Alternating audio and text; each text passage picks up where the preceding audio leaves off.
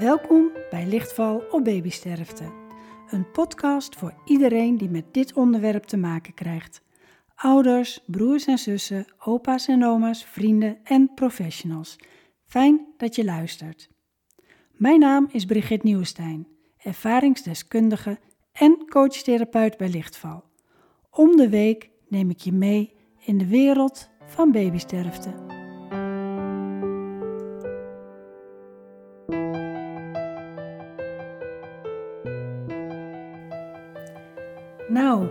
Hier zit ik dan, achter mijn nieuw aangeschafte microfoon. Mijn laptop staat hiernaast, waar ik alles opneem. En ik zit klaar om mezelf te introduceren. Want het is natuurlijk heel mooi om allerlei intense verhalen van anderen te laten horen. Maar ja, dan kan ik niet achterblijven natuurlijk. Het is wel heel apart om zo'n solo-aflevering op te nemen, want ik zit nu tegen een microfoon te praten. Heel erg apart. En uh, ik luisterde vorige week een interview van Mirjam Hegger met Kim Munnekom. En zij is een succesvolle podcaster, heeft al zo'n 750.000 volgers. En zij gaf als tip voor een solo-aflevering om net te doen alsof je tegen een vriendin aan de telefoon aan het praten bent. Nou, dat kan ik natuurlijk proberen. En um, zij vertelde ook dat een groot pas, een podcaster uit Amerika zegt: Je hebt 40 afleveringen nodig om je eigen stem te vinden. Nou, dat vind ik een hele mooie om te onthouden. Gewoon het besef dat ik erin mag groeien en het niet meteen perfect kan zijn. Dat ik mag zoeken, ook samen met luisteraars. Het is sowieso niet iets wat ik zomaar even doe. Ik heb wel eerst van die bekende stemmetjes in mijn hoofd. En die heb ik eerst aandacht moeten geven. Je kent het misschien wel.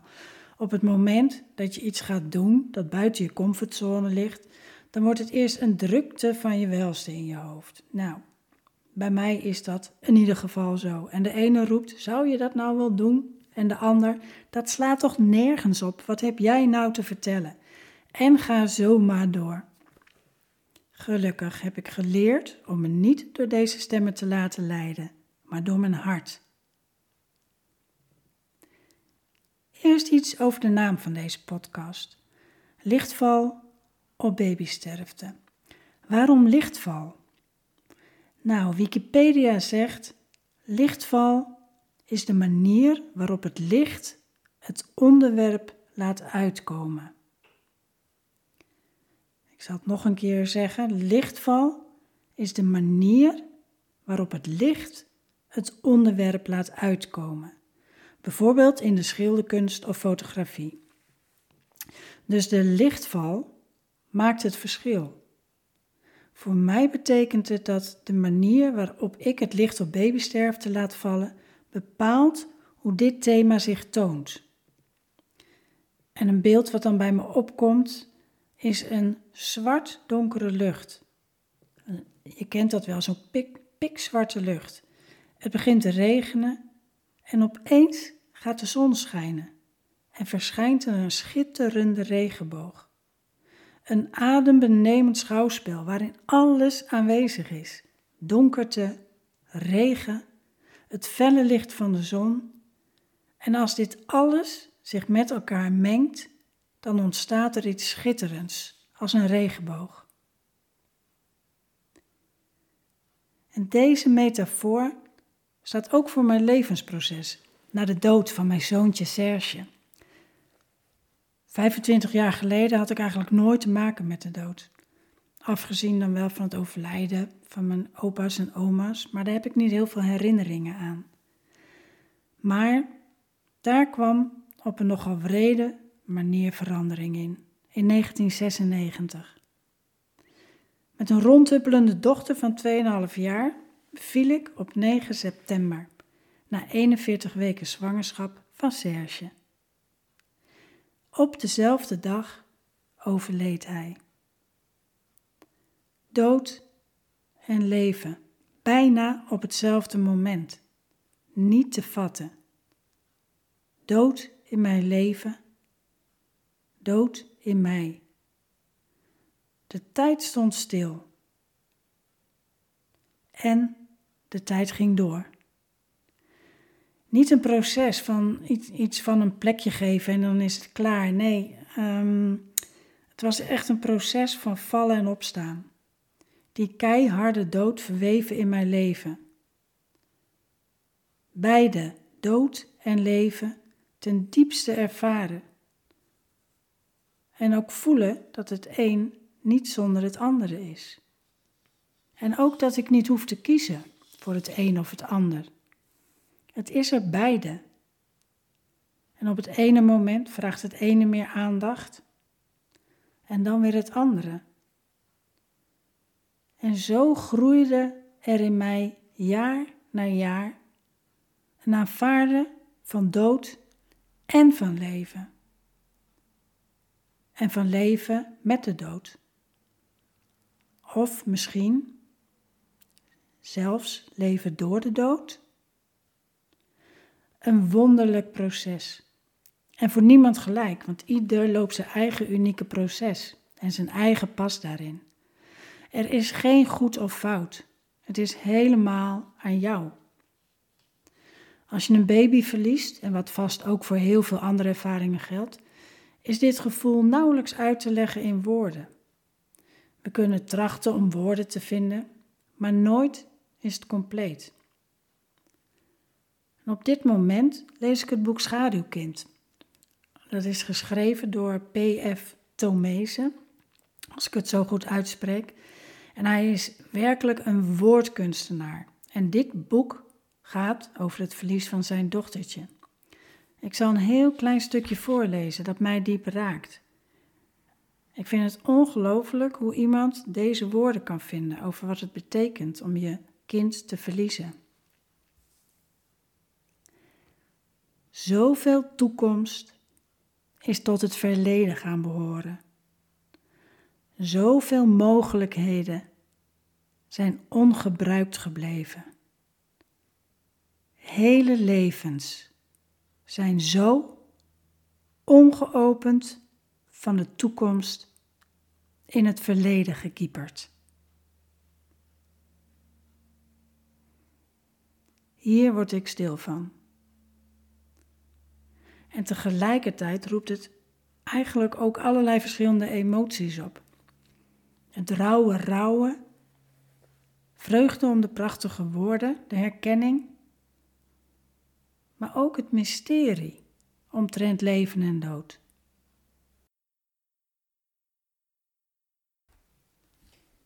Babysterfte treft natuurlijk niet alleen de ouders. Het kan een grote impact hebben op de andere kinderen in het gezin. Of je wil of niet, hoe je ook je best doet om dit vooral juist niet te laten gebeuren, het gebeurt. Zonder dat er ook maar enige sprake is van schuld. Ik heb twee fantastische kinderen door wie ik het inzicht heb gekregen over wat die impact kan zijn. Bepaalde patronen kunnen ontstaan waar ze op latere leeftijd in vast kunnen lopen. Bijvoorbeeld um, het gaan zorgen voor je ouders of proberen om ze vooral niet tot last te zijn, want ze hebben het al zo zwaar. En je daar dan op aan te passen. En zo zijn er nog veel meer patronen te bedenken die kinderen kunnen ontwikkelen in die periode. Ook is er steeds meer wetenschappelijk onderzoek naar de prenatale periode. En bewezen is inmiddels de impact die deze periode kan hebben op het leven van een kind. Ik moet dan denken aan, aan hoe dat bij mij is geweest. Van welke invloed heeft mijn spanning tijdens de zwangerschap van Jens invloed gehad op zijn leven? Omdat over al deze impact nog maar weinig bekend is, voel ik een drive om die verder te onderzoeken en naar buiten te brengen. En daarom ben ik begonnen met het schrijven van een boek. Na eerst mijn persoonlijk verhaal geschreven te hebben, ben ik nu bezig om door middel van interviews te onderzoeken en te ontdekken wat deze impact betekent voor het leven van de andere kinderen in het gezin. Vaak nog heel jong of nog niet eens geboren. Door de interviews die ik tot nu toe gehouden heb, veelal met vijftigers doe ik het eh, op dit moment, wordt mij steeds duidelijker hoe groot die impact kan zijn en nog steeds is.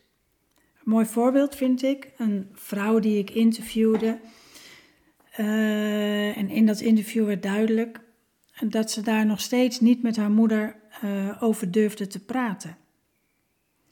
En een paar dagen later appte ze, een paar dagen na het interview, appte ze dat ze nu wel met haar moeder uh, een gesprek erover aandurfde te gaan. En hoe fijn dat was. Een belangrijk thema wordt dit dus ook in mijn podcasts. Verder natuurlijk ook opa's en oma's, die veel meer de aandacht verdienen. Naast het verdriet om hun kleinkind hebben zij ook het verdriet van hun eigen kind te dragen. Hoe doe je dat? Hoe kun je elkaar tot steun zijn? Mijn ouders die hebben er absoluut onder geleden. Ze wilden sterk zijn voor mij, waardoor ze eigenlijk hun eigen verdriet niet toelieten. Er zijn dus zo ontzettend veel onderwerpen om te bespreken, te delen, om te weten te komen. Van miskraam tot babysterfte na de geboorte, het verlies van een van een tweeling, de impact op broers en zussen, vernoemd zijn naar een overleden broertje of zusje. Wat doet het met je relatie? Opnieuw zwanger worden. Hoe is dat? De zware keuze van een zwangerschapsafbreking. Hoe neem ik afscheid? Hoe herdenk ik? Rituelen. Maar zeker ook verschillende, verschillende gedachten en visies op leven en dood. En dan natuurlijk nog alle professionele kennis en ervaringen op dit gebied. Genoeg stof voor talloze podcasts.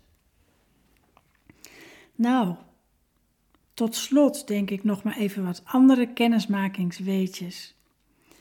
Ik ben 58 jaar. Niet als het zo voelt, maar het is wel zo. En mijn dochter Lenka die is inmiddels 27 en mijn zoon Jens 21. Ik heb dus drie kinderen. Uh, Serge die zou in september 25 jaar zijn geworden. Negen jaar geleden zijn de vader van mijn kinders en ik uit elkaar gegaan. Gelukkig hebben we wel nog een goede band. Dat vinden we allebei, allebei gewoon heel belangrijk. En um, nou, sinds maart 2020 woon ik in Lemmer en woon ik samen met mijn vriend. Nou ja, maart 2020, dat was natuurlijk precies toen de coronacrisis begon. En uh, het was een leuke vuurdoop dat we allebei thuis werkten, maar daar zijn we prima doorheen gekomen samen. Nou, verder, ik ben het liefst in de natuur, aan het wandelen en op of aan het water. Wat dat betreft zit ik goed in Lemmer. Als Lars zegt Amersfoort, mis ik ook de stad. En vooral Amersfoort natuurlijk. Heerlijk om een terrasje te pakken op de Hof of onder de Onze Lieve Vrouwentoren. Heerlijk, lekker een biertje drinken. Laten we hopen dat het snel weer mogelijk is. En gelukkig heb ik genoeg redenen om er nog vaak te komen. Naast mijn werk als trainer en therapeut ben ik ook verbonden aan Stille Levens, het kenniscentrum voor babysterfte. Stille Levens geeft waardevolle informatie en steun bij het overlijden van een baby. Je kunt brochures downloaden over allerlei onderwerpen en ook voor zorgverleners is er veel informatie te vinden. Absoluut een aanrader om de site te bezoeken. stillelevens.nl Wat ik erg leuk vind is dat ik binnenkort een interview heb met Daisy van Bekken. Zij organiseert op 10 juli het benefietconcert Altijd Verbonden. We praten over het verlies van haar zoontje Tobias. En natuurlijk over dit concert dat onder andere opgedragen is aan Stille Levens. Wat kunnen jullie verwachten van mij? Om de week neem ik jullie mee in de wereld van babysterfte en dus ook voor mij aanverwante thema's. Natuurlijk allerlei interviews met ervaringsdeskundigen, interviews met professionals en ook zal ik af en toe een meditatie of visualisatie inspreken. In de paar volgende afleveringen kunnen jullie verder kennis maken met mij en mijn verhaal over het verlies van mijn zoontje Serge. Mochten jullie nou ideeën hebben, je verhaal willen delen of wat dan ook, Luister deze podcast dan tot aan het eind, want in mijn outro vertel ik hoe je me kunt bereiken.